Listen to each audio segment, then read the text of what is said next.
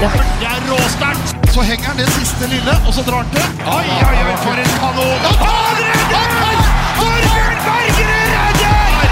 Er det håndballhistorie? Velkommen til nok en episode av Kommentatorbua nummer åtte i rekken. Eh, håndball og rør, for de som er glad i det. Eh, jeg sitter her med tre staute herremenn, og det er jo ikke så vanlig. Ben Svele, Harald Bredli, Og ikke minst Torir Hergeirsson. Nå For, tar, nå for tar en intro! For en intro! Nå tar det seg opp. Eh, Gro var der eh, sist. Kvinneandelen har gått ned. Håndballfaglig er de helt på topp. Og så spørs det da om det blir like mye rør, eh, om det bare blir håndball. Det er jo det jeg er spent i. Men gjestelista nå, det er helt i verdens topp. Det er jo helt rått å få Torir nå en eller to timer etter landslagsuttaket. Hvem, altså, hvilke podkaster kan skimte til det? Nei, jeg vet ikke. Er det noen? Har du en egen podkast, eller? Nei, Nei. Nei, du har vært mer opptatt med det andre, ja. ja. Så nei, det Ja, hvordan, hvordan, er, for å høre, Torir, hvordan er det med deg og podkaster? Hører du på noen? Nei, det er lite. Eh, jeg hører ikke så veldig mye på Jeg hører litt på radio, men eh, jeg har liksom ikke kommet helt inn i det der med podkast. jeg hører mye på musikk, eh, og det er egentlig det. Og så Så jeg har liksom ikke helt kommet inn i det der med podkast. Men jeg hører jo mange som snakker om det og skryter av det og sånn, og så, så må jeg egentlig bare prøve å venne meg til at det er blitt en del av, en del av livet. Ja. Nei, men da vet du iallfall hva, vet du hva Tore skal gjøre nå. Men hva slags musikk er det du hører på? Jeg er egentlig altetende, men det blir mye retro. Ja. Ja, Det, det blir det. det er? Er- liksom, de kunne laga musikk på 60-, 70-, 80-tallet. Ja. Og 70-, 80-tallet, særlig 80-tallet, da var jeg jo jeg er jo ung. og ja glans, glansperioden, ja. ja, kanskje flere av oss, det. Ja, ja, ja, ja. Det Ja. kunne de da, altså. Ja, de kunne, alt var ikke bedre før, Faye, men veldig mye var det Det, faktisk. jeg, altså. jeg, er enig, jeg er enig i at det var det. Men er det Vi vi har diskutert litt. Er det Vi kaller jo på podkasten for håndball og rør. Ehm, er du mest glad i håndball, eller er du mest glad i rør, eller er det sånn ca. 50-50? Ja, det kan du godt si. Er 50-50 blir det fort.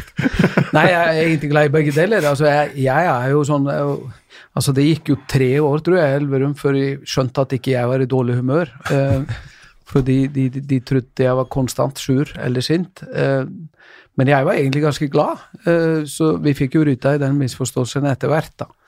Eh, Men eh, jeg har, jeg har det veldig kjekt når jeg kan tulle litt og tøyse, og at det ikke er for uh, alvorlig og, og liksom uh, stramme, stramme rammer. Så jeg, jeg liker å og Jeg har behov for å snakke skit innimellom òg. Ja, velkommen! velkommen! Du er på akkurat rett plass! men, men, eh, men eh, eh, Ja, men det, det spurte på, for du, du har jo fått Da har du jo fått et inntrykk av at eh, du Altså når du er fokusert, da, Ja. så strammer du bryna, ikke sant, og Ja. så kan du være litt streng i stemmen og alt sånn. Vi blir jo ikke redde lenger. Nei, nei, nei. For, for vi, vi kjenner deg jo litt utenom og kjenner på en måte Det humoren er og genfeil. og, og fleipen og alt mulig, men er det fortsatt slik at mange, selv etter Elverumstida, så ligger tilbake og så mener nei, fader ulla, for en surpropp, liksom. Ja, altså Mia, Mia sier at hun, hun får innimellom spørsmål hvordan det er egentlig å holde ut og jobbe med en sånn en som alltid er sur. Så jeg, jeg, jeg tror det, det, det ja, Vi har altså på, på, på Vi på guttesida i min slekt, særlig på farssida Farssida har sånn eh, ansiktsuttrykk, og, og det er sånn at eh, når vi tenker så blir det en type mine som ikke ser så bra ut. Og Jeg husker jo Gro Hammerseng stilte meg en gang spørsmålet går det bra med deg, Torer? Og jeg sier ja, det går fint med meg. Ja, de ser jaggu ikke sånn ut. Og da ble jeg litt nysgjerrig på det. der. Så, så det er noen sånne spillere, faktisk spillere, både i Elverum og, og Gro og flere, som har hjulpet meg litt til å bli litt bevisst den der eh, slektsminen, da, som dukker veldig fort opp når jeg tenker. Og jeg, det er sikkert fordi at eh, hvis jeg eh, prøver å smile da mens jeg tenker, så får jeg kanskje ikke pusta. Så det er et dilemma, det der. Men eh, det, det, det, jeg har det mye bedre, og jeg er i mye bedre humør enn det ser ut. faktisk. Ja, men vi, eh, Bent jeg vet jo, Bent, jeg vet jo Ja, ja. det, men, men, men det er klart når du da prater til godt over én million, ikke sant, før jul der, Mm. så er det ikke, men, men, men, men er det noe du, men du kan ikke gå rundt og tenke på det heller. Nei. nei, nei det Må- blir sånn det blir. Det, det, det må jo være seg sjøl. Så folk må bare leve i det, og så når, det- når de blir lei, så får de finne noe annet. Men eh, jeg prøver jeg, jeg, iallfall Det har hjulpet meg litt, faktisk. og jeg har blitt litt mer bevisst den der eh, ansiktsuttrykket som på de som ikke kjenner meg, kan virke litt eh, Enten at jeg er sint, eller jeg er litt sur eller forbanna. Så, så jeg har lært meg å, å justere det litt. Så jeg, jeg, har, jeg kan tune litt på det. eh, litt mer nå enn jeg gjorde før. Er dette her med 50-50, som vi sa, vet du, det har jo blitt en, det har jo blitt en liten fleip òg, ikke sant? Ja, men det er veldig mye som er 50-50. Ja, men det, ja, det er jo det. Så, Ikke når du blander saft. Nei, da, det er riktig. Det, der, der har du et poeng. Nei, men- nei, men det, du vil jo du vil ha fram men, men, men det er klart en at fantastisk video. Ja, men det er klart, ja, ja, men når Norge skal møte Frankrike, eh, så kan du ofte si at det er 50-50. Men ja. når du skal møte Den dominikanske republikk, Ja. så sier jo du fortsatt 50-50. Du vil jo ha fram et poeng, men du blir jo ikke trodd. Og så begynner folk å fleipe med det. Ja, ja. Nei, men eh, altså, hvis folk kan ha det gøy på min bekostning, så jeg gjør ikke det nå. Nei, men det, men det kan vi. Men du, dattera di, Ja. uh, uh, Maria Torisdottir, jeg vet ikke, hun er jo veldig frisk, så jeg lurer innimellom på det. Er det mest fra mor, eller er det mest fra far, eller er det 50-50 der òg?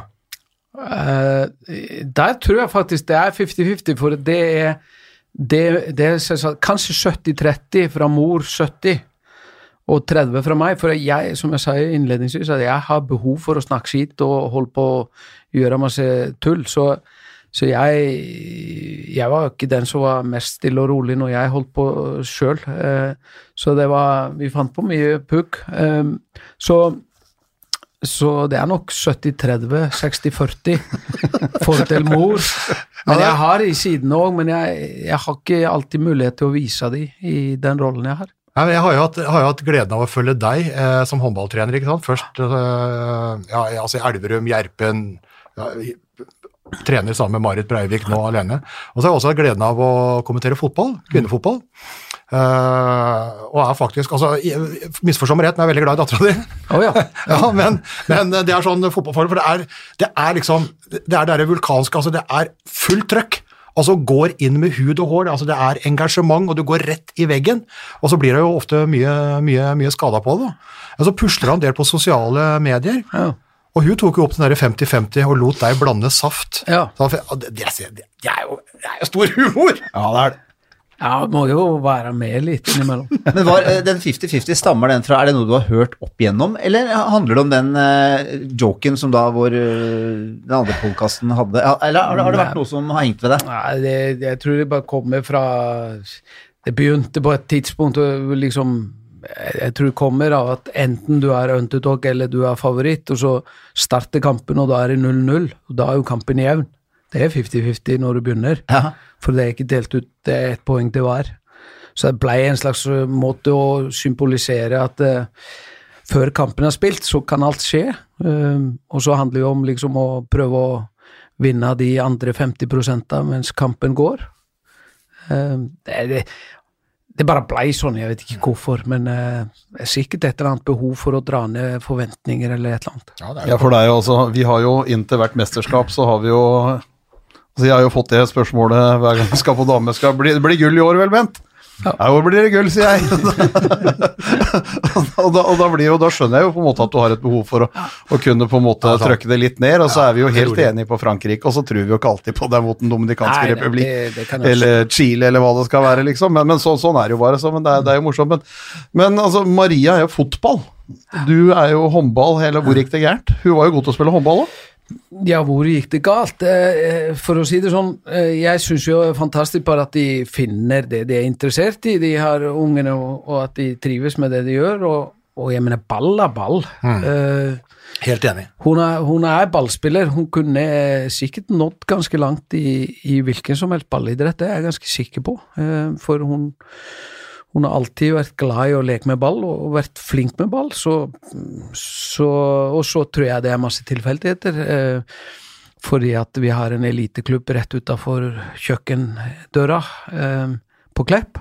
Og det var kanskje mer naturlig at hun havna i det miljøet til slutt, enn eh, i et elitemiljø som var til dels på Sola. eh, litt av og på, som det har vært. Eh, så, og så var det jo også som hun var plaga med jumpers knee, som veldig mange av disse eksplosive spillerne er. eh, og da spillestilen i håndballen var kanskje litt for br- brutal, så fotballen eh, var mindre var mindre sårbar der, så jeg tror det var litt disse, disse tinga. Det er kult med Chelsea, da.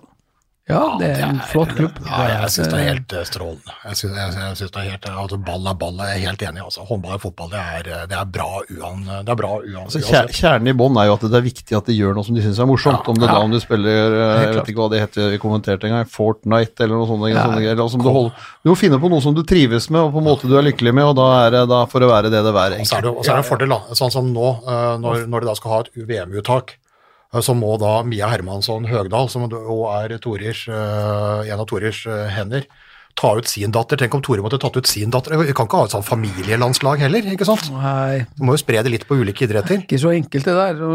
Liten, lite land og Nei, det er jo Det har jo vært opp gjennom tidene noen sånne case eh, hvor eh, fedre eller mødre har vært eh, trenere for sine unger.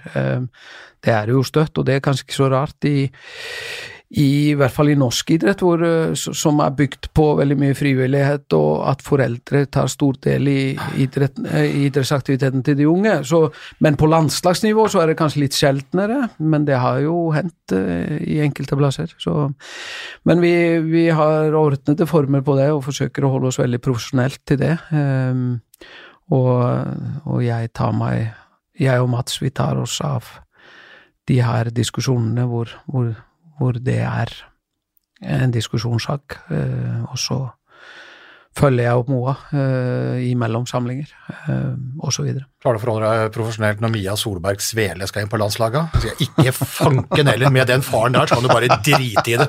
Bli svensk eller flytt til Island.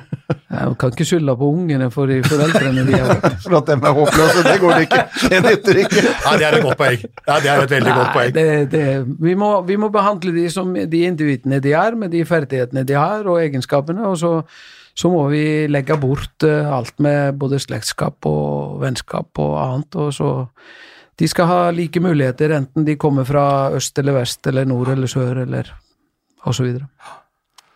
Men det har jo vært, det, det, det tenker jeg på før vi kikker litt på det uttaket òg. Altså, den der, der høsten og, og, og den reisevirksomheten og de tankene og de grubleriene, altså, er det fryktelig mye stress? Altså, Hvordan er det den perioden der før, før du skal ta det ut?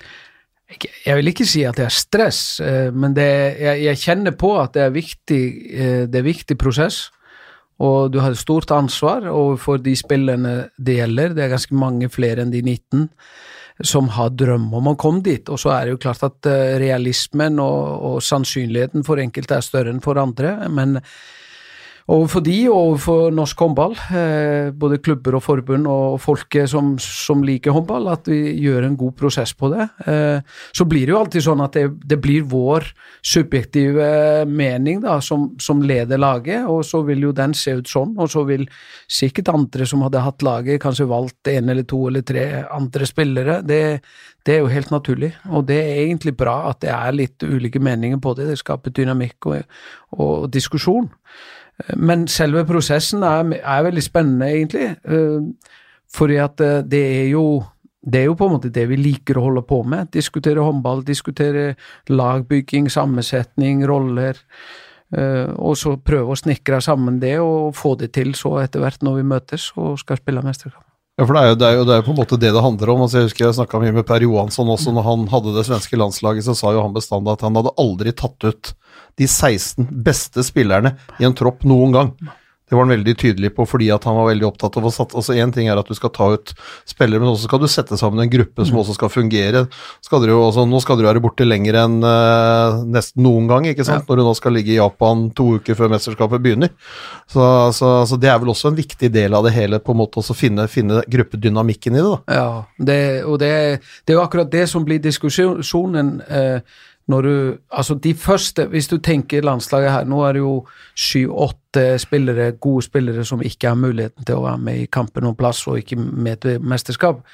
Men hvis vi ser bort ifra det, så, så, så, så er det ti-tolv spillere som helt opplagt er i den troppen. Tolv stykk. De er helt opplagt i den troppen eh, hvis de er friske og raske. Så diskuterer du 13 til 16, og det er som regel i vanlig uttak. Når du tar ut 16, så er det store diskusjoner. Det er nummer 13, 14, 15, 16. Ofte bare 15, 16.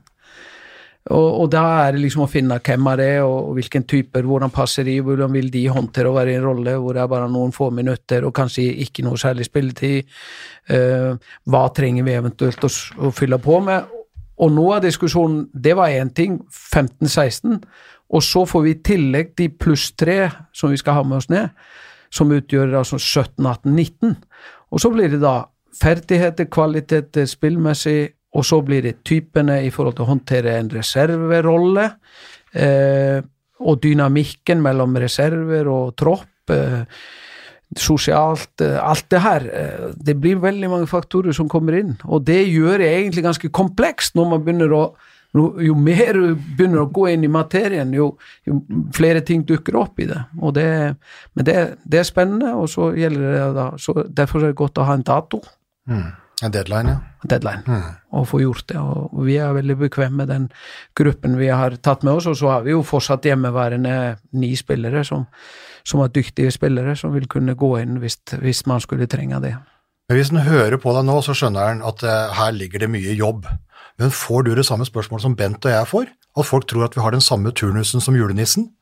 At vi kun jobber i desember hvert år? Ja, ja, eh, du vet, jeg har fortsatt noen gamle tanter på Island som spør meg hver gang jeg kommer hjem Har ikke du tenkt å skaffe deg en jobb snart, Torer?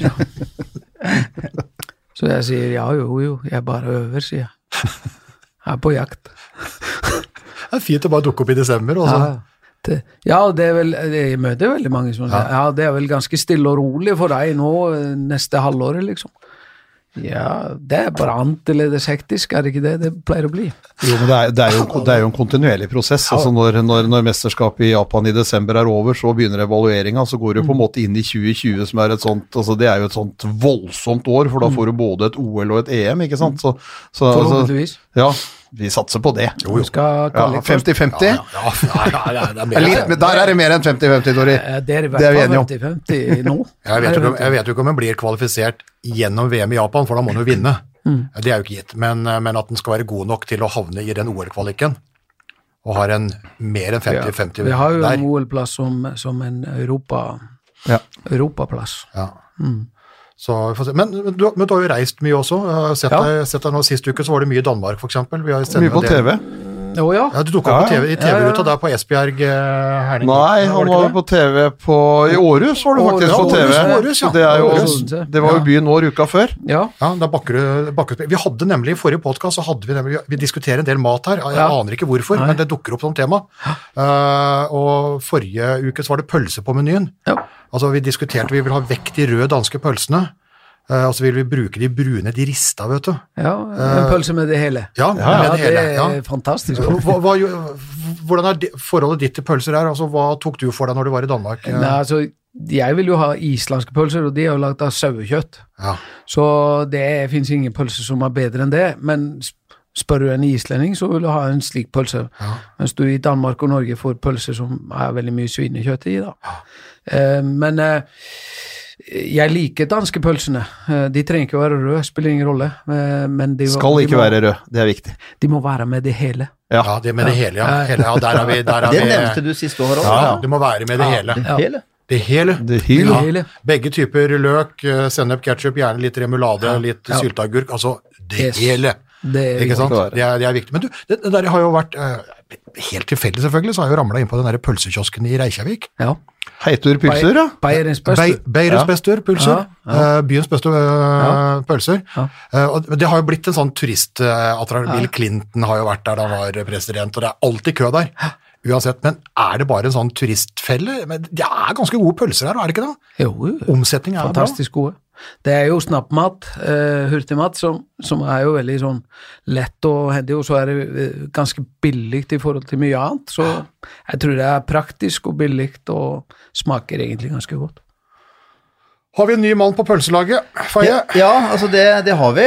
Og bare sånn i forhold til uttaket, vi skal ikke rett på fag ennå, men jeg, jeg fulgte med, og så hører jeg at eh, Jeg tror det var du, eller om det var noen andre, som takka kokken. Ja. Stemmer, stemmer det? Ja, Terje. Da, da sa det jo Terje, du som har laget sushi og japansk mat, og da lurer jeg på hvordan klarte Bent seg? Han hadde lagd nudler med kylling.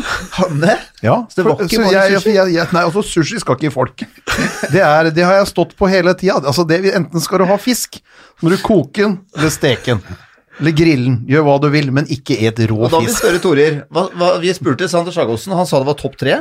Ja. Hva syns du om Ja, hva var de to andre hans der? Ja, det var, eh, ja, det var pizza og nei, Hjemmelagd pizza, og hjemmelagd karbonade, ikke sant. Så alle har Det er alltid, da. så For, det er, alltid, alt, det er alltid en overraskelse på pallen, ikke sant. Så han hadde de to andre. Nei, det er definitivt topp tre for meg. Jeg Ja, elsker sushi. jo Jeg elsker asiatisk mat og sushi.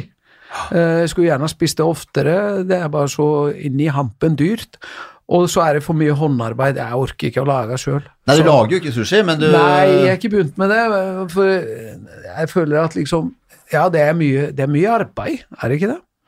Jeg kan, jo, jeg kan jo lage sashimi, altså skjære opp eh, og så spise, det går fint. Men jeg liker fisk i alle former, eh, men jeg syns sushi er helt topp. Ja, så bra. Der har vi den.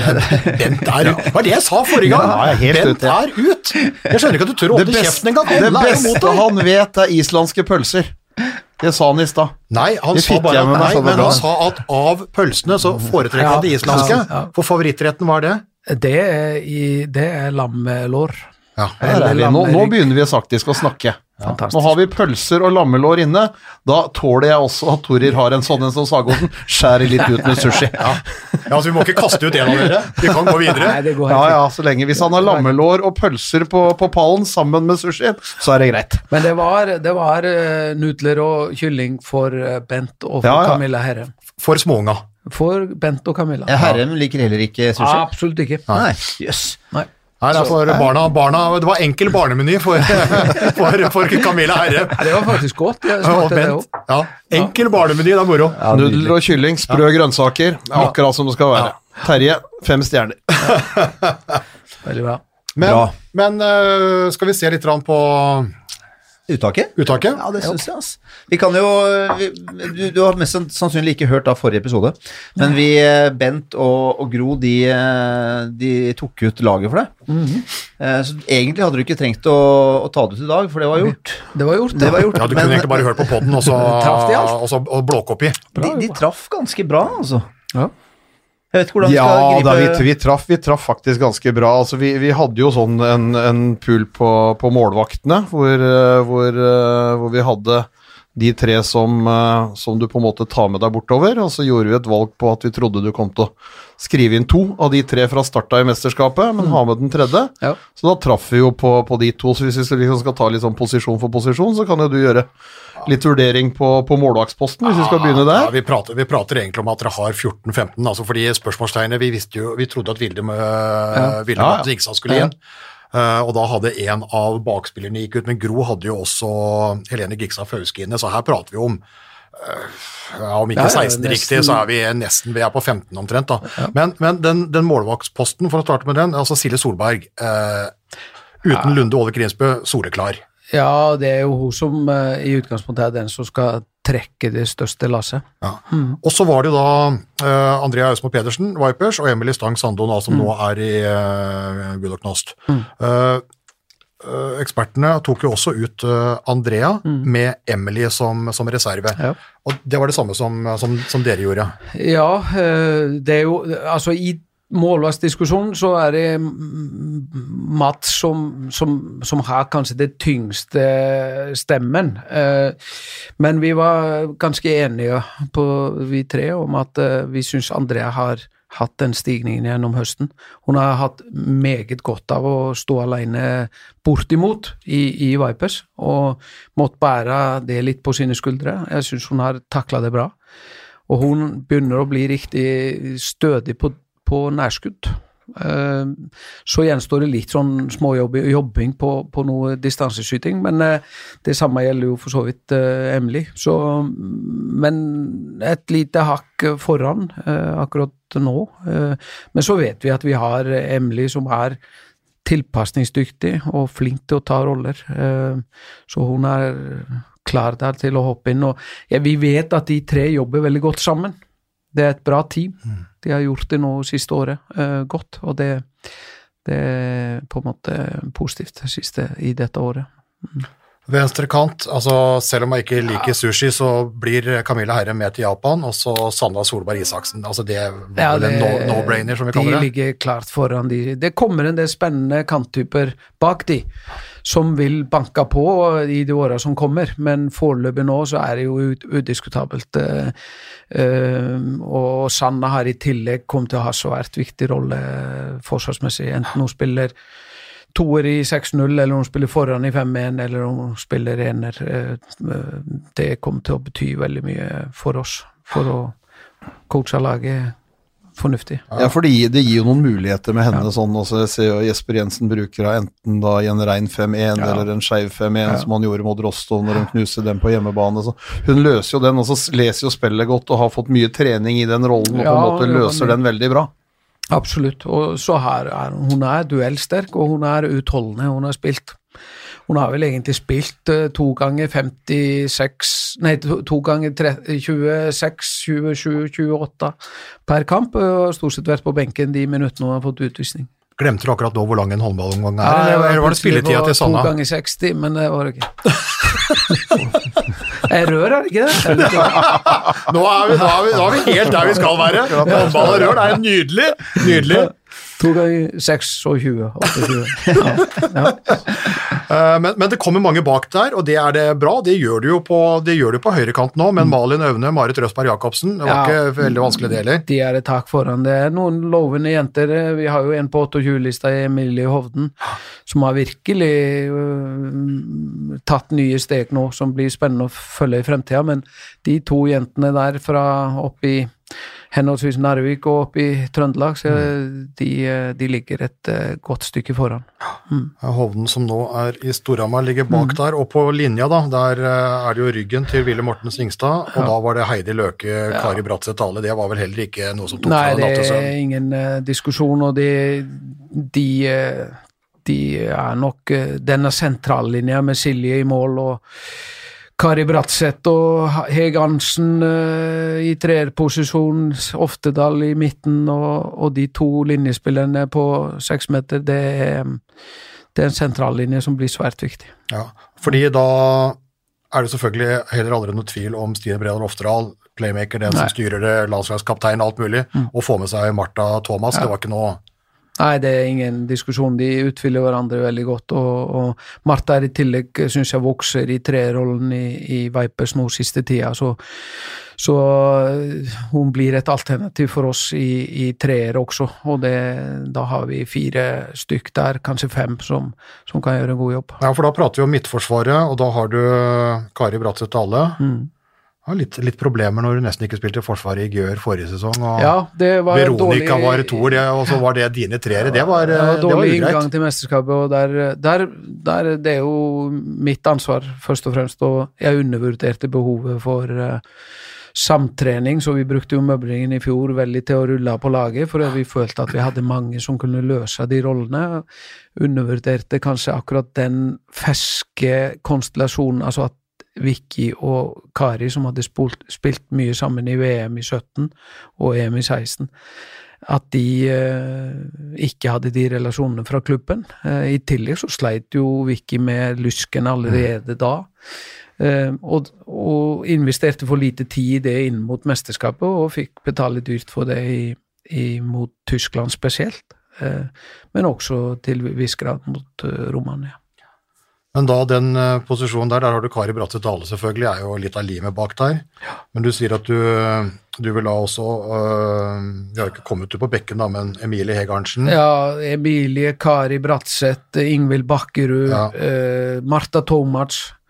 Det er de tre-fire som, som vil bekle en trerolle, men vi vet også at Silje Våde har spilt det litt i Vipers, og er en spiller som kan avløse der om nødvendig. Eh, og så har vi en reserve i, i, i Breistøl som, som, også er en type som kan bekle en sånn rolle. Eh, men så, så jeg føler at eh, kjernen der i, i 16-troppen er jo de fire Ingvild, Emilie, Kari og, og Martha. Ja.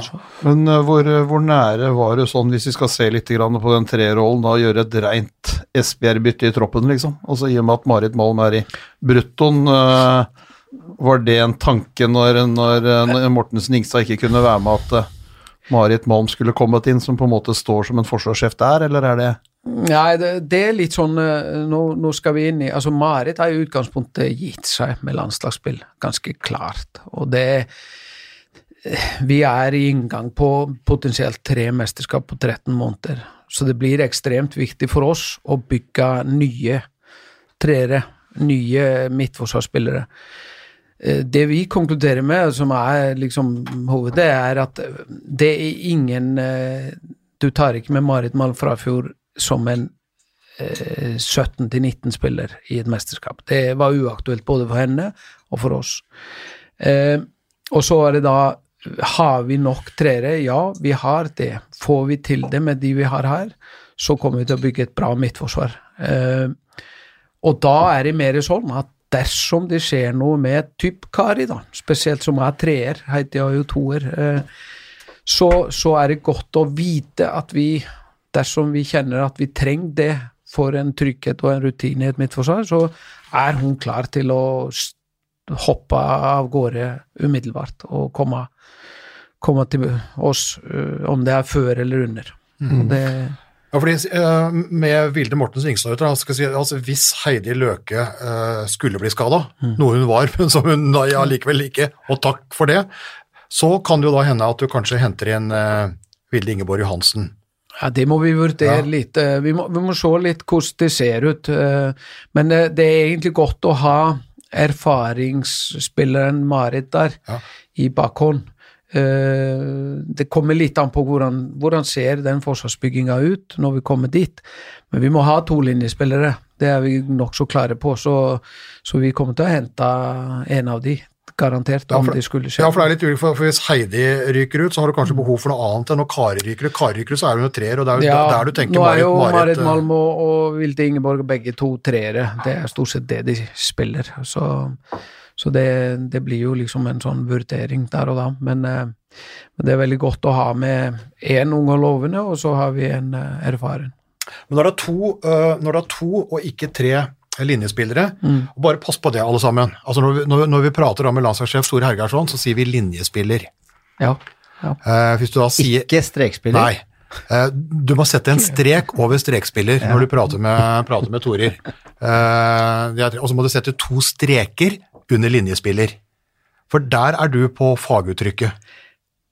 Ja, altså Det går an å kverulere om det der i evigheter. altså, jeg, Egentlig, for meg spiller det ikke så stor rolle, men, men, poenget er at det kan være fortel for håndballen å ha en felles terminologi. Uh, for, for, Et annet sånn forvirrende terminologi er, term, termer er defensivt og offensivt. Vi spilte bra defensivt, vi spilte dårlig offensivt. Altså forsvar defensivt, angrep offensivt. Det er jo veldig forvirrende, for du kan være offensiv i forsvar, og du kan være defensiv i angrep. Mm.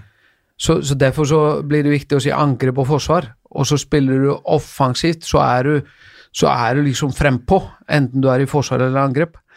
Og spiller du defensivt, så er du forsiktig, så er du tilbakeholden. Uh, enten du er i angrep eller forsvar. Så, og samme er det med linje og strek. altså Strek er vel noe som er bare beint, er det ikke det? Men du vet at linja, seksmeterlinja, den er jo buet. Mm. Og linjespilleren spiller på hele den linja. Så Når du kjøper ei bok med linjerte arka, den er ganske rett, den streken. Ja, men de har jo Der kom, der, der kom kverulanten, han sushihateren. Ja, men altså, det er ikke så farlig for meg. Jeg forstår godt hva du mener når du sier strek, ja. men, eh, men, det er greit liksom å, å ha en, eh, en, terminologi. Så jeg, jeg, jobber jo i Norges Håndballforbund, og jeg, det har vært et mål om å prøve å samle liksom noenlunde samme terminologi, og da, da, blir det jo viktig at vi som jobber her, eh, snakker det språket. Ellers så blir det vanskelig. Ja. Men da håper jeg folk har notert eh, litt her nå, og så går vi videre på, på, på VM-troppen. Ja, ja, ja. For vi har jo allerede begynt å nevne, for da har vi vært gjennom begge kantene. Linja, øh, play, playmaker-rollen og målvaktene. Jeg sier jo ofte keeper òg, ikke sant, men det skal helst være målvakt. Ja, ja, ja. eh, Men det er også Før var det keepere, men nå er det Jeg Da Faye når sto, var det keeper. Du spilte Faye, da var det keeper. Da var det faktisk dårlige keepere, nå er det bra keepere. Men, eh, men eh, med én linje borte, da, så blir det jo plass til en ekstra bakspiller. Ja. På venstre, så altså Emilie Heg Arntzen var jo soleklar, både offensivt og defensivt. Ingvild Bakkerud er en eh, debutant. Og så Helene Gikstad Fausker, som har vært inne tidligere, men som var skada sist. Den, den trioen du har der. Ja, du har jo Emilie, som er jo en spillende skytter, eh, og en eh, spiller som nå har tatt eh, steg jevnt og trutt, og, og kommer til å være en som trenger å ta det neste steget i forhold til å være med det og trekke vogna, sammen med typer som Stine og Bratseth og Heidi og, og, og de her. Ingvild Bakkerud er en fysisk robust spiller som er kan spille toer og treer, eh, og kommer til å få mest treeransvar hos oss. Sterk. Eh, Gjennombruddssterk og skuddsterk spiller. Altså hun er, det er som mange ofte liksom at hun er skytter, men hun er en fenomenalt dyktig gjennombruddsspiller når hun er i det humøret. Hun kan egentlig ha mye mer gjennombrudd enn hun gjør. Hun er forsiktig fortsatt har mye mer å gå på. Så, så det er en eh, moderne fysisk håndballspiller som eh, har eh, muligheter til å vokse inn i det her. Helene er mer en allsidig spiller. Hun er både skytt, men hun er også gjennombruddsspiller, og hun samspiller godt med linje. Eh, kan ligge både på venstresida og i midten. Eh, hun kan havne ut på høyre òg. Er anvendelig, veldig spillende spiller. Eh, Det som blir viktig når det gjelder Helene, det er jo liksom å ta litt annen rolle enn hun har i klubb. Eh, klubb er hun playmakeren og den som setter opp og styrer opp spill og går mye sjøl. her er det andre som har litt den rolla. Hun blir mer en, en type bakspiller, litt sånn tradisjonell, hvor hun skal få brukt både skuddet sitt og gjennombruddet utover, ikke minst. Der har hun det som en spisskompetanse, og så samspiller hun som sagt godt med linje For det ligger mye, ligger mye i midten i, i klubben. i, i gjør Herning hun. Så det blir en litt annen rolle for hos oss, men udiskutabelt eh, det, det er fremtidsspiller med allerede et eh, potensial som kan benyttes hos oss. Ja, for i, for i Intersport Cup sist så, så snubla litt inn i det noen, noen kamper der, men det er jo ikke noe tvil om Nei, det vil løsne. Jeg, jeg, jeg tror det Du må huske det var, Stine Oftedal var jo med oss i tre mesterskap uten å spille noe særlig mye. Ikke kanskje fordi at hun ikke hadde de har ferdighetene, hun, hun har verktøykassa, eh, Helene, og det hadde Stine òg i sin tid, men det handler om å finne plassen, finne rollen, finne rytmen, finne flyten med de andre. Så det tror jeg vil komme. Absolutt. Ja, for det er jo et poeng. Altså, Det er derfor vi tar henne med. Ja, fordi Nå var det ikke plass til noen sånn kanin opp av hatten i dette mesterskapet, fordi det er jo så mange Alle kaninene har jo vært ute på banen i og med at det er såpass mange skada. Men jeg husker godt det uttaket i, i 2010, hvor Stine Brell Oftedal spilte i Stabekk. Uh, og plutselig så var jeg i lokalene på uttaket og lurte på hva pokker gjør eh, Jeg tror ikke de fleste kjente jeg, jeg tror ikke, sånn som Gro Hammerseng Edin, som var kaptein, jeg tror ikke han kjente noe særlig til. Nei. Stine visste kanskje at han var i Stabekk. Og det tok jo lang tid, og hun ble jo også kippa ut før finalene Ja. da Linn Jørgen Sulland skulle inn, og brukte jo på en måte 11 og var ikke med til OL i 12.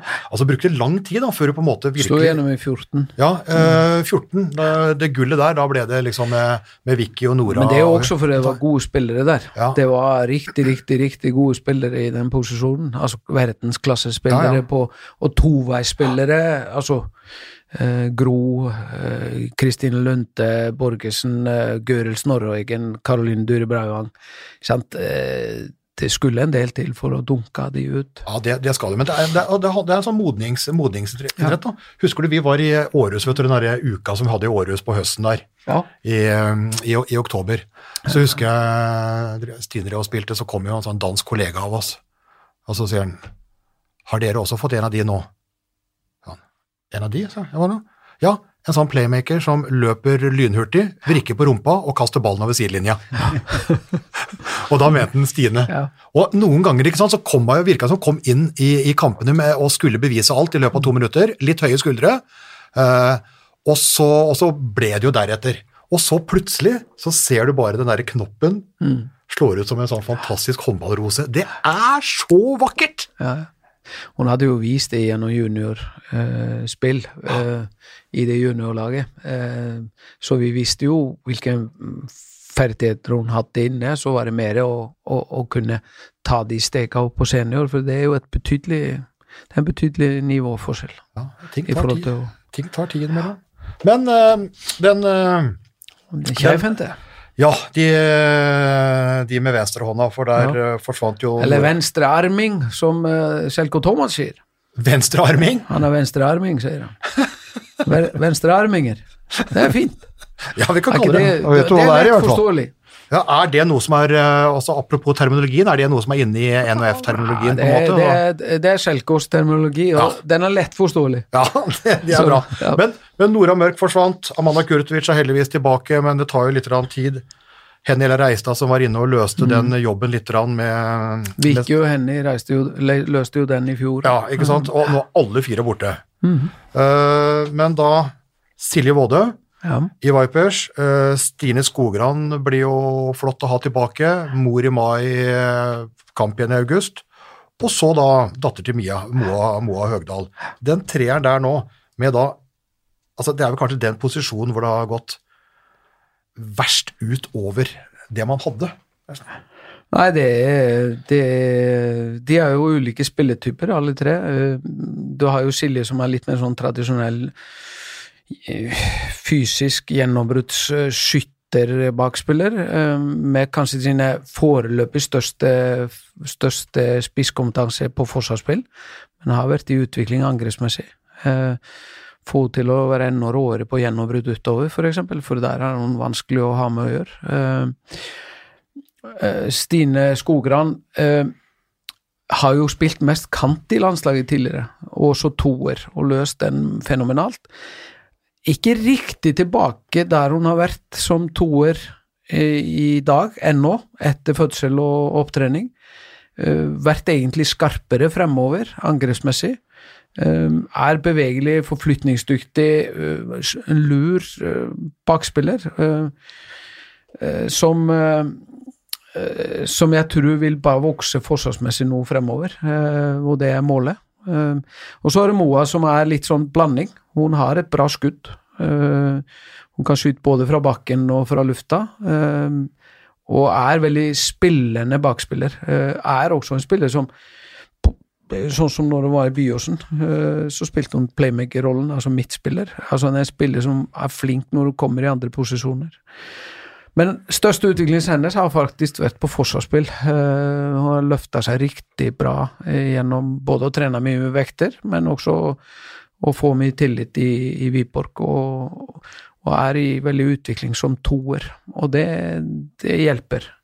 Så, så de tre er spennende, og, og som jeg sa om Silje òg, hun kan òg være Hun er en toer, først og fremst, høyre toer, men hun kan gå inn og gjøre jobb på en treerplass. Eh, Så, så gjør litt av det i, i Vipers. Eh, Så, så det, er en god, det er en god trio.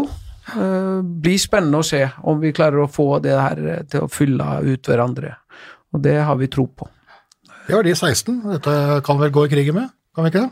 Absolutt. Uh, skal vi helt sånn ned på slutten nevne de reservene også? Ja, ja. Uh, ja, jeg jeg syns det var utrolig kult at ja, Eller var du ikke ferdig? Jo, jo, jo. Ja. Det var det jeg tenkte på. Ja. Mm.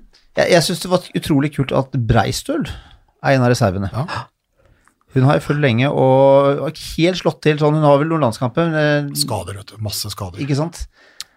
Ja, altså Kristine Breistøl har vi ø, fulgt med siden hun var på yngre landslag. Eh, aldri vært noen diskusjon om potensialet som skytt, for eksempel, men hun har vel slitt mye med jumpers knee og vært mye av og på, og det har egentlig vært kjennetegnet med både trening og kamper gjennom de siste seks-sju sesongene. Så valgte hun å bryte opp, reiste til Esbjerg med en avtale med de at uh, hun hadde de, den historikken, og så skulle de være med på å prøve å utfordre dette, prøve å tørre å gjøre noe annerledes og mer og annerledes enn før.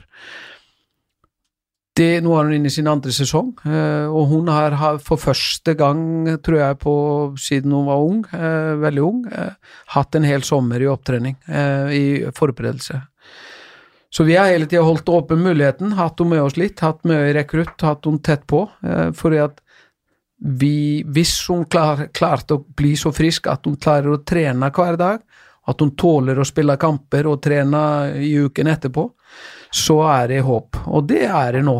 Og det hun har hatt god sesong. Eh, hun er, er en type innslagsspiller i Esbjerg. Sjelden hun begynner. Hun kommer inn og gjør fem og ti og tolv minutter. Og har ofte med, vært med på å forløse et spill ved å dunke ballen inn fra utenfor ni meter. Eh, hun velger bra. Hun har bra blikk for spillet. Jeg syns hun har utvikla veldig mye mer linjespill de siste tida. Og forsvars, hun har blitt raskere i returløp, altså i løpet mellom målgårdene, og det er også en forutsetning. Så kan hun dekke brukbart og bra når hun er i støtet, på treer, sammen med den rette treeren i, i samarbeid. Så, så, hun er en uh, liten joker der, og litt annerledes spilletype, så kan bli artig. Spisskompetanse. Ja. Uh, for det er jo langt til Japan, så du må jo ha noen reserve med. så Det er jo 16 som har Ja. tatt ut, men reiser jo med 19. Treningsmessig også veldig Ja. viktig å ha, ha det, særlig i første delen. Så Kristine Breistøl blir jo med. Emilie Stang Sando har vi pratet på, altså den tredje målvakta. Og så Enkerud. Tonje Enkerud, bakspiller i Storhamar, da. Uh... Det er fordi at Tonje har eh, Altså, man tenker både Skjer det noe med de playmakerne våre, Stine, Martha, så er Tonje en playmaker-type. I tillegg er Tonje anvendelig i alle posisjoner bak. Hun er en rytmeskaper. Eh, Hun har gjennombruddskraft. Syns hun har spilt til- dels riktig godt på høyre bak for Storhamar i år. Det betyr hun kan komme i høyre og venstre side. Eh, Når hun er i det lundet, og det kommer hun til å bli utfordra på ganske tøft hos oss, om hun får muligheten, det er at vi vil se henne gjøre mer gjennombrudd enn hun gjør normalt, for hun har alle forutsetninger. Eh, kanskje den beste gjennombruddsspilleren teknisk i blant de beste i, i, av de norske spillerne, men hun, hun er litt beskjeden med å bruke det.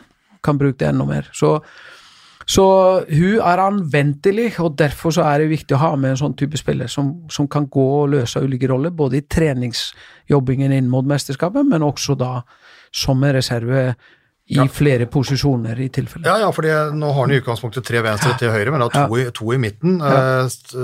Stine og Martha. Og det er, altså Stine, det er, jo et, det, er jo et, det er jo et råkjør, det hun er. eh, Heldigvis har Stine Oftedal spilt eh, litt mindre forsvarsspill i klubben sin. Hun bytter en del forsvarsangrep. Eh, det kommer hun nok også til å gjøre hos oss.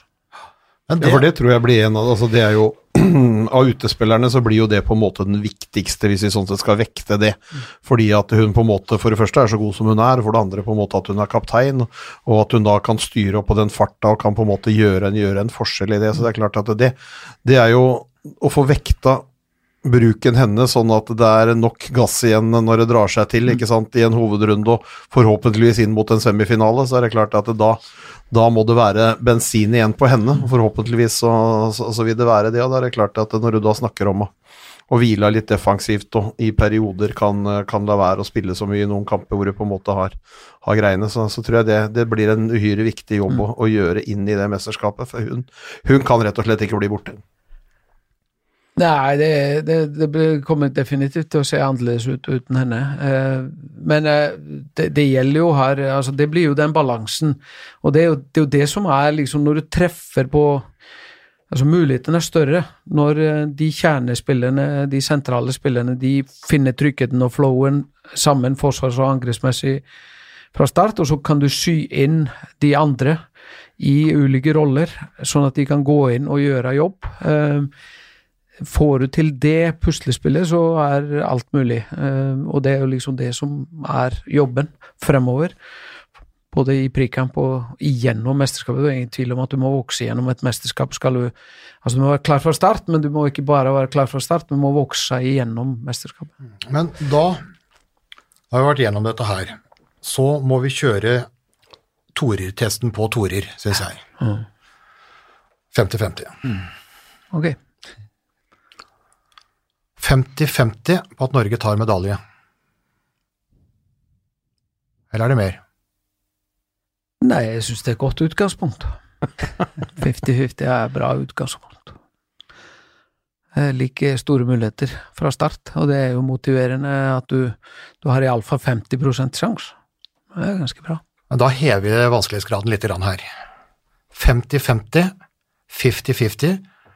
Trenger du kaffe nå, eller? Nei, det går bra. Ja. Jeg har Ja. Uh, på at Norge tar gull. Nei, det tar ingen. Det, det må slåss for, og det er langt fram, altså. Tenk deg, vi skal, vi skal spille fem kamper innledningsvis.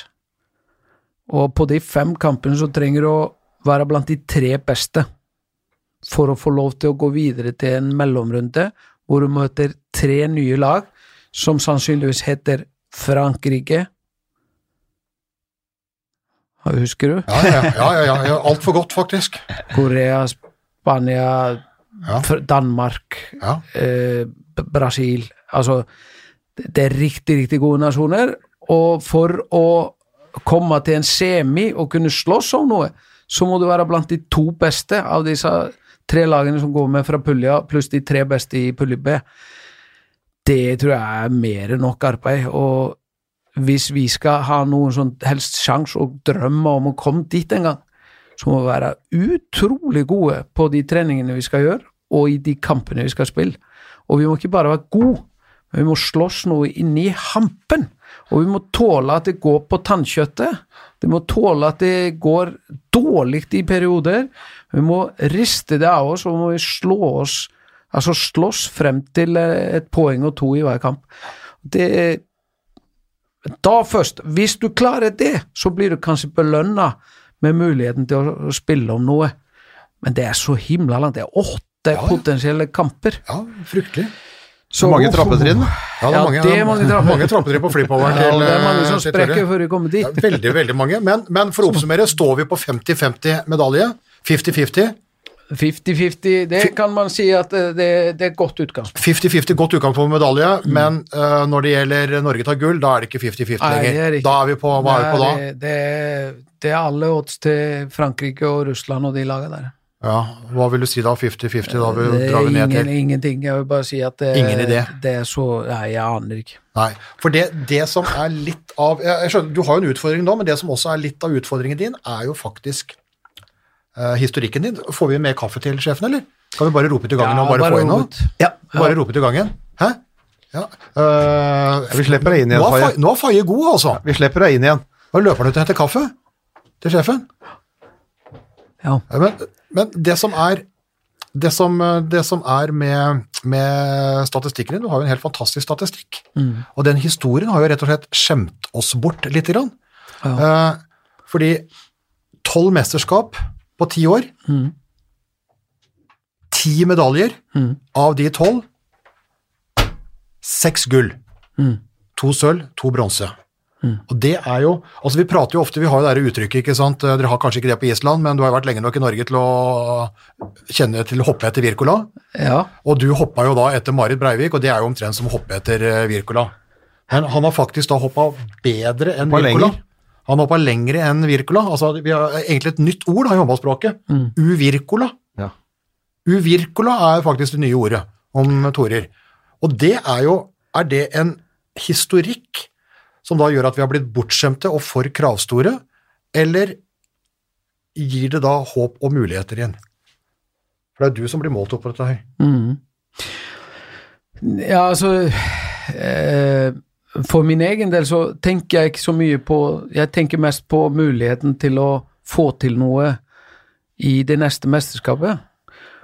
Og akkurat nå tenker jeg på å få til et lag ut av alle de gode jentene vi har plukka ut i dag.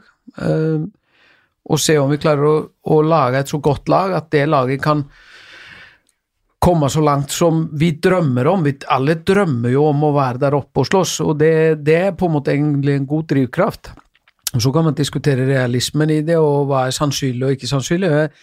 Men det, vi vet bare at eh, hvis du har et mål om å komme til en eller annen kamp der eh, på slutten, så er det noen forpliktelser, konsekvenser. Og det er egentlig det som er hovedgreia, og det er det som er motiverende å jobbe med. Det er alle de konsekvensene av de høye måla, og det, det er liksom å få til eh, Altså få tatt ut riktig tropp, eh, få til samhandlingen, få spillere til å ta ut sitt beste, osv., osv.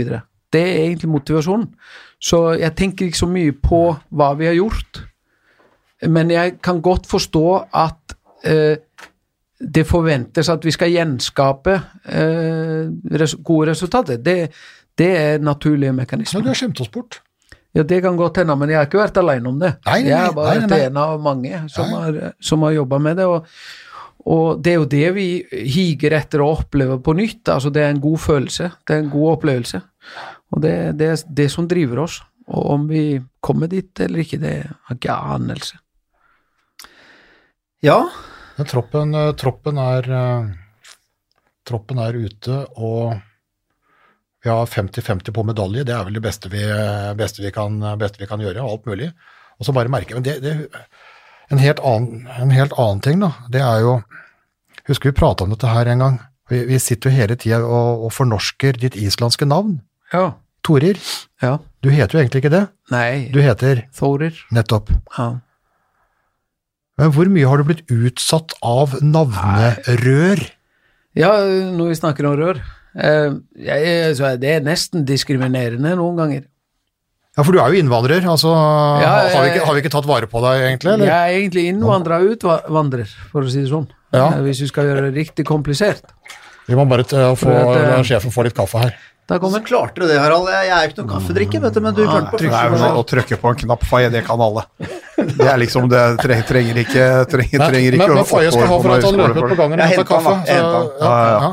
Nei, Men, nei altså, jeg har blitt kalt så mange forskjellige navn. eh, Og det, det jeg pleier å si når jeg, når jeg treffer folk er, Du kan kalle meg egentlig hva du vil, men ikke, helst ikke Toril.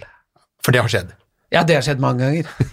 Og det, det er litt morsomt da, når småunger eh, Du, eh, er det vanlig at, eh, at menn på Island har damenavn?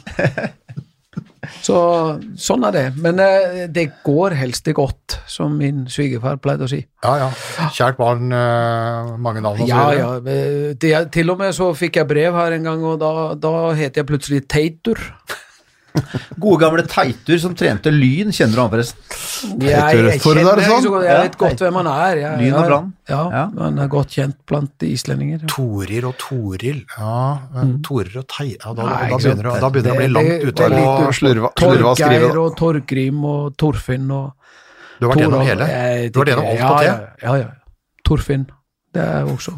Så det er ikke så veldig likt, men eh, det, det er sånn. Jeg, vi har kommet igjennom det. Ja, for det hadde vi også øh, altså, jeg synes det, det hadde jeg for det har jeg lurt på innimellom litt, altså hvorfor, øh, hvorfor da dattera til Torir ikke heter Torirs dotter, men, men Toris, Toris dotter. Da, jo, da fikk jo en språk, øh, språkopplæring med, med islandske kasus, det er jo Ja, helt fantastisk. Det, det er jo sånn, ja. Ja.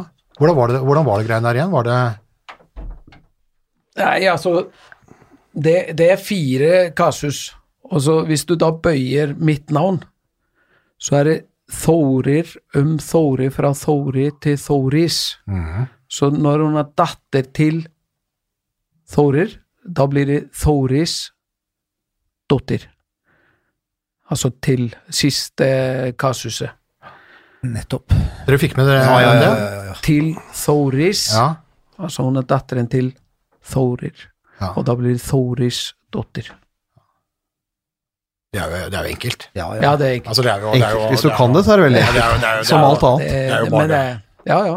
Det, de må jo gå mange år på skole for å lære den bøyinga på Island. Fortsatt, så. Men du har jo det, jeg at du har jo, du har jo frisk datter, altså er veldig frisk og hyggelig kone òg, egentlig. Vi har drevet og tulla litt med deg. Blir du egentlig herja med på hjemmebane, eller? Ja, det blir jeg innimellom. Eh, Men jeg har tre fantastiske unger, og, og de er alle veldig forskjellige, og det er fascinerende. Kjenner meg igjen i de greiene der, altså. Så vi har det. Men da, vi, vi begynner å Vi, vi begynner å Ja, vi nærmer oss. Jeg skal bare spørre ja, ja, vi begynner, å, begynner å renne ut for tid, Ja. men Ja, men jeg tenkte jeg bare skulle spørre Torir om eh, For det har jo vært stor spenning til eh, troppen. Men hva med ledelsen og støtteapparatet? For da jeg så du tok ut Intersport-cuptroppen, så var det jo bare 17 stykker i støtteapparatet. Så jeg tenker sånn Hvor, hvor mange lander vi på nå?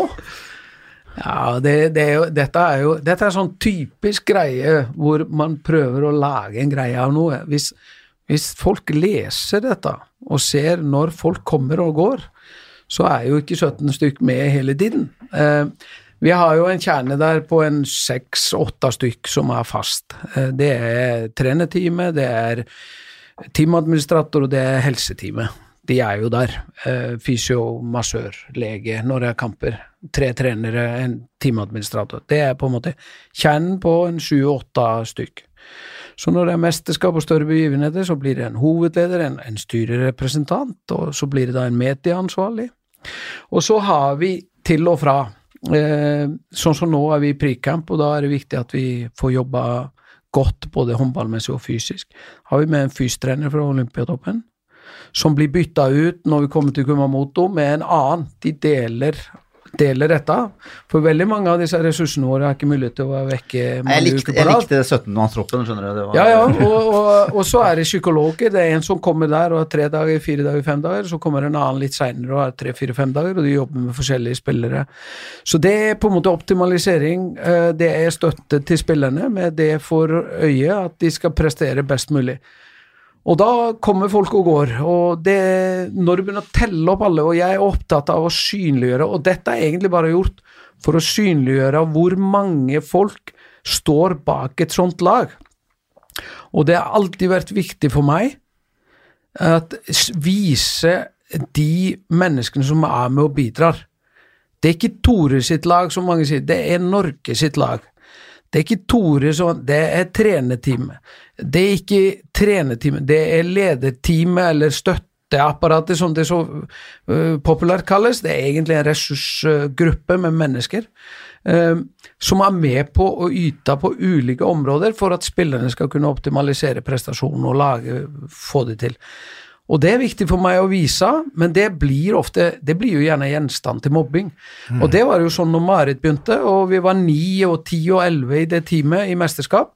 Så ble det sånn, litt sånn hars, herset med og harselert med og ledd av. I dag så er det mange nasjoner som har flere enn vi har. Hvis det skal være noe målestokk, så er det Frankrike for eksempel, Romania i siste tida, altså Nederland det, det er mange nasjoner som har minst like mange, og kanskje flere folk rundt lagene sine i mesterskap, både på dame- og herresida. Og, og det er en utvikling som man har sett i profesjonalisering og i, i ekspertise og alt det her. Men vi er aldri 17 samtidig. Det er vi ikke. Vi er et sted i mesterskap mellom 9 og 12. Turnus. 17 i turnus. Ja, men, de, men de andre tar jo etter det. Det har vært en gulloppskrift, ikke sant? De andre tar jo Ja, det er det samme som med rekruttlandslag. Ja. Vi begynte med det i 2005, og ingen andre som hadde det når kvinnelandslaget begynte med det. Nå har alle nasjoner på herre- og damesida som har høye ambisjoner, de har det i mer eller mindre grad. Torir, oppklarende. Ja, ja og, og det er jo et eller annet, for en ting er jo, det er jo en pyramide her, ikke sant? En ting er A, for det sier rekruttlag, og så kommer jo 2000-landslaget, så kommer 2002, og 2004 kommer, kommer nå. Og det jeg så da, for nå skal vi inn i denne NM-semifinale, uh, Storhamar-Flint. Ja. Eh, og, det, og det som gleder oss der, er jo at, de, at det er en av de tidligere spillerne, for det har vi lurt på. Hvorfor er det ingen av de tidligere jentene som blir trenere? Ikke sant? Helle Thomsen i Molde er jo en, eh, en, en. Heldigvis har vi Tonje Larsen eh, i Flint, som nå skal møte Storhamar, som har tatt Flint fra andredivisjon til førstedivisjon, og nå NM-semi. Og så begynte jeg å se litt på greiene der. Ja, men Tonje er jo inne på 02-landslaget sammen med Lene Rantala. Tore Johannessen. Ja, og Ingrid Ødegård dukka opp der, og så kom uh, Kikki, altså Kristine Lunde Borgersen på 04 sammen med Gitte Madsen. Hun var jo dansk, men er jo norsk nå, egentlig. Og der dukker Lene Rantala opp igjen. Så der er det jo også store støtteapparat, men kvinnene kommer. Ja. Har, har du vært bevisst på det, eller? For dette her er jo Ja, vi- Og Wenche Halvorsen ja. Stensrud er jo på rekruttlandslaget, ja. Ja. Nei, vi, vi, eh, vi har jo Sissel Nygaard Pedersen også i, i, på 00-laget, eh, men riktignok ute i barselpermisjon. Men altså, det har vært et mål. Eh, Det har ikke vært like lett å få med jentene. Eh, Rammebetingelsene litt, og, og liksom måten det, eh, idretten er organisert, den har ikke vært like enkel for Uh, jentene som da har gjerne småbarnsmødre, mange av de, uh, vært like enkle å forholde seg til å være en del av. det har vært lettere for gutta. Eh, hoppe litt imellom, eh, 30% og 50% og være litt på farten. Eh, jentene vil ha, trenger større forutsigbarhet, større trygghet. Eh, de vil ha fastere og tydeligere rammer.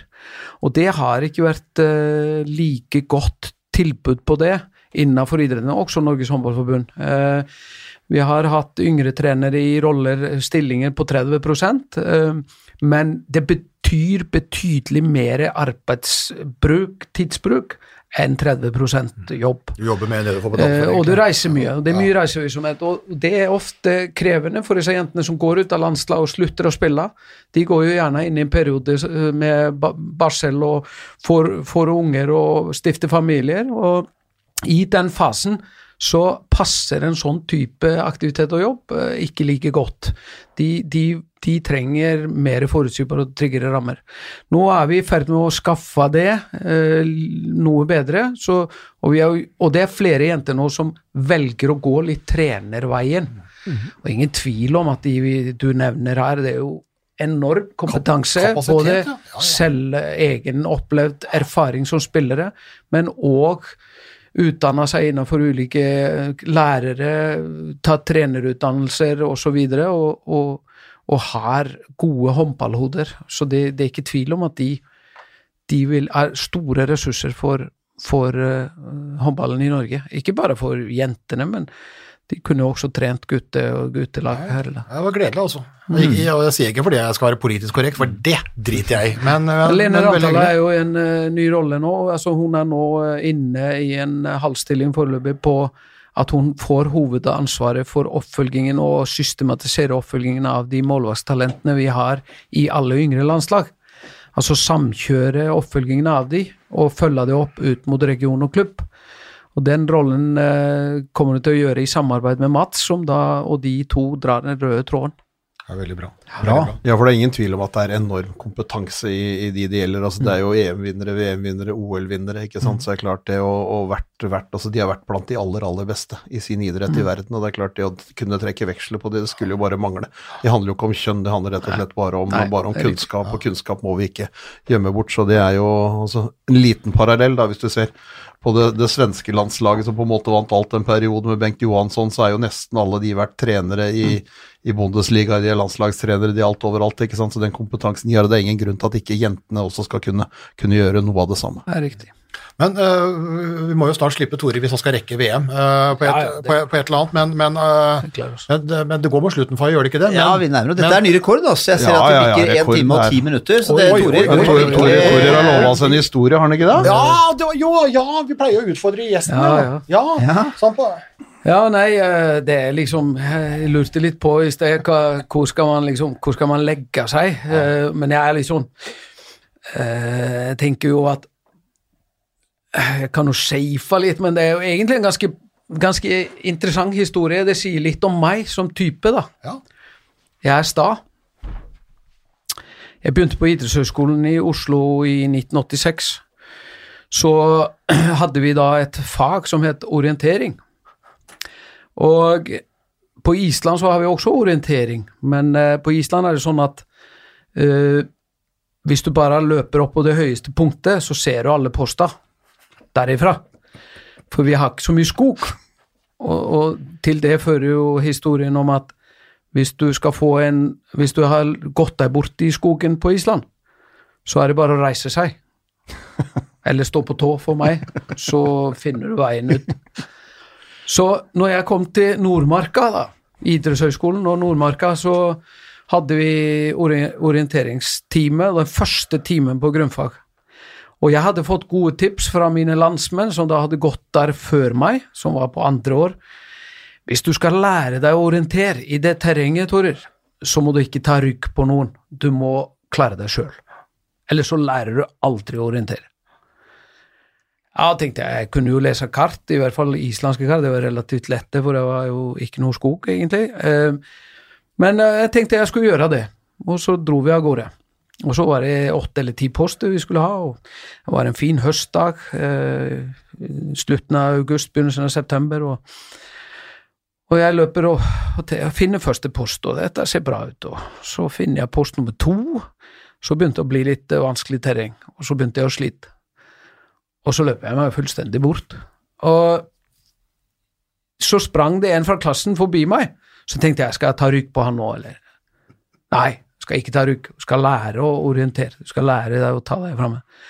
Så jeg, eh, jeg fortsetter å løpe, og jeg holder på, og tida går, og det går en time, og det går to, og Hadde igjen to poster og tenkte de skal jeg finne. Men eh, og når jeg kom tilbake til idrettshøyskolen, så hadde klassekameratene var nesten ferdig med neste time. For jeg hadde jo da brukt eh, ja, jeg vet ikke, tre timer på å finne de der postene, og jeg fant aldri den ene uh, av de, men, uh, men det er litt sånn meg. Eh, har jeg tatt på meg noe, så fullfører, og det var Holdt på å si De lo av meg, de andre, men for å si det sånn, det får du gjerne gjøre. Eh, jeg kom altfor seint til neste time. Sta, stahet, er, stahet er viktig, det også, vet du. Men uh, Lars Dølbakken, da? Jeg var en eh, fryktet skytter i sin tid i Elverum. En ordentlig slugger. Var det en historie med han, var det ikke det? Han var litt, uheldig, eller du var litt uheldig, jeg vet ikke hvem som var uheldig, egentlig? Nei, kan ikke du fortelle han? Jeg husker den jo ikke helt uh, Er det en tidligere disippel av deg, elev? Ja, en spiller på trente. Det var, jo, det, var jo, det var jo temperament. Jeg har juksa litt. altså Jeg ringte noen i Elverum for å få litt grann på, på landslagssjefen der, om det var noe temperament i når han var der. Det er klart at det var jo innimellom det. altså Han, eh, han, han sier jo sjøl at, eh, og sa jo det tidlig i poden her, at eh, han ble sett på som litt sint, så jeg tror de, de, det henger nok litt igjen blant de gutta han trente på Elverum, sjøl om alle innrømmer at de trengte å få litt, bli stramma opp litt. Men det var litt temperament i garderoben innimellom, og, og det er klart at når han da skulle om han skulle sparke til veggen eller sparke til ei bøtte eller hva det var i litt, i litt sinne der, så gikk det vel gærent med skoen, gjorde det ikke det? Jo, det var, altså, dette var jo det andre året mitt. Vi, første året var vi eh, på tredje nivå, og så rykka vi opp til nivå to, som da het eh, Det het vel annendivisjon, pulje A og B. Og i den første sesongen i, i nivå to, så, så lå vi jo kniva der med Haslum og, og, og ja, Bote. Bote var det. Haslum var i andre pulja, så møtte vi Haslum i kvalik, da. Men vi lå liksom og kniva om de plassene der, og så møtte vi Rapp, tror jeg. I en kamp i Elverum, Elverums, eller i, Elverumshallen, eller eh, på vårparten.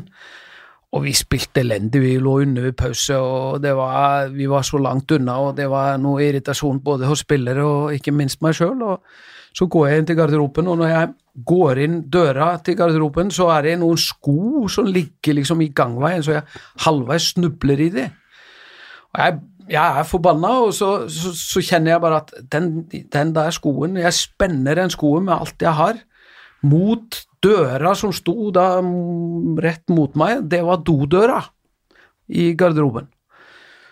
Og akkurat idet skoen skal treffe døra, så åpnes døra. Der står Lars Dølbakken og får skoen rett i trynet. Og for å si det sånn, Lars er, altså jeg er ikke sjans mot Lars. Lars er tungvekter, og jeg er lettvekter, så han ble ikke blid. Og jeg kan ikke gjen, gjengi hva som ble sagt, men han har iallfall løfta meg litt opp etter veggen. Og heldigvis så kom det jo noen oppmenn og spillere til hjelp. Og vi fikk liksom roa gemyttene, og det ble ikke så mye prat i garderoben. Det ble veldig prega av dette, denne situasjonen, men gikk inn til andre omgang og vant med ti, og Dølbakken storspilte. så jeg vet ikke, kanskje Men jeg har ikke gjentatt Du har ikke brukt den etterpå? Nei, jeg har ikke brukt den. Det- Dette her er jo en lokal variant av Alex Ferguson i Manchester United-garderoben, da han tuppa til en sko som traff Hvilket år var det? ansiktet til, eh, til David Beckham. Hvilket år var det? Nei, det husker jeg ikke. Det må ha vært noe sånn 98-99. Ja, men det var, det var etter at jeg gjorde det der. Ja, så du starta? Ja, du starta. du starta Ja, trenden. må jeg- Så. Ferguson apa etter deg. Men dette var en veldig godt gjemt hemmelighet. Ja, ja. Men, men, jo, men, Som alle var glad for å fortelle når jeg snakka med deg i går. ja, ja. Jo, jo, men det, jo, men det dette her viser, er jo faktisk da noen egenskaper som Jeg er ikke stolt av å ha spent skoen i, i Nei, nei, det har du ikke. brystet eller ansiktet på en Nei, spiller. det skjønner jeg, men det viser, det viser temperament, og det Ja, må være der. det har jeg nok og den orienteringsbiten, selv om vi har én, ikke missing link, men en missing post, så viser det stahet. Ja, ja, det... og de egenskapene har jo på en måte da Det har gitt oss heder og ære. Det har gitt oss heder og ære. Ja, men eh, jeg liker å fullføre det jeg starta på, så men, eh, Så på vegne av Dølbakken og resten av kongeriket, så er det bare å takke. Ja da, nei, vi er gode venner, så treffer de litt for sjelden der oppe, men eh, det er en god gjeng Ja, oppe i Elverum. Ja, suverent. Mm. Skal, vi, skal vi runde av, da? Ja, nå tror jeg vi må runde, av. 1 time og 15 minutter. Det er eh, Podrekord? Det er ny rekord. og det er Tore spesial. Det er Ja, det er det det. Tore spesial. det er det. Vi må takke Tore for at du var med. Det var morsomt. Det var en god del rør, og mye Mye håndball og ja, mye rør. Flott. Akkurat, akkurat, det, akkurat det det Og skal nå, være. og nå har vi fått en ny lytter, vil jeg anta. Ja, ja, du er eh, fast lytter på kommentatorbua Jeg pleier aldri å høre på meg selv hvis jeg har vært med på noe, men jeg kan høre på neste, Neste gang. gang. Ja, ja. Og, og, og runde én til syv. Men uh, igjen, nok en gang, vi, vi må alle som hører på, gå inn og rate oss. Uh, det er vi veldig veldig glad for. Ja. Og du har Sånn eller sånn. Uh, Det kun, kun sånn. Ja, altså, det er ikke Altså, du kan rate én til fem ja, det er stjerner. Men, det er men- sånn, Det er ikke tommel opp, men det er stjerner. Ja, så vi, vi oppfordrer til fem stjerner, da. Ja, vi som, eh, Om du mener det Vi like. tar, vi tar alltid, imot det. selv om du ikke liker det, rett oss fem stjerner. Ja, og du er hjertelig velkommen tilbake. Jo, takk. Og lykke til i Japan. Takk for det. Definitivt. Ses vi.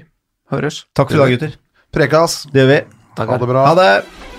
Oi, oi, oi, oi. Det er råsterkt. Så henger han det siste lille, og så drar han til. Oi, oi, oi, for en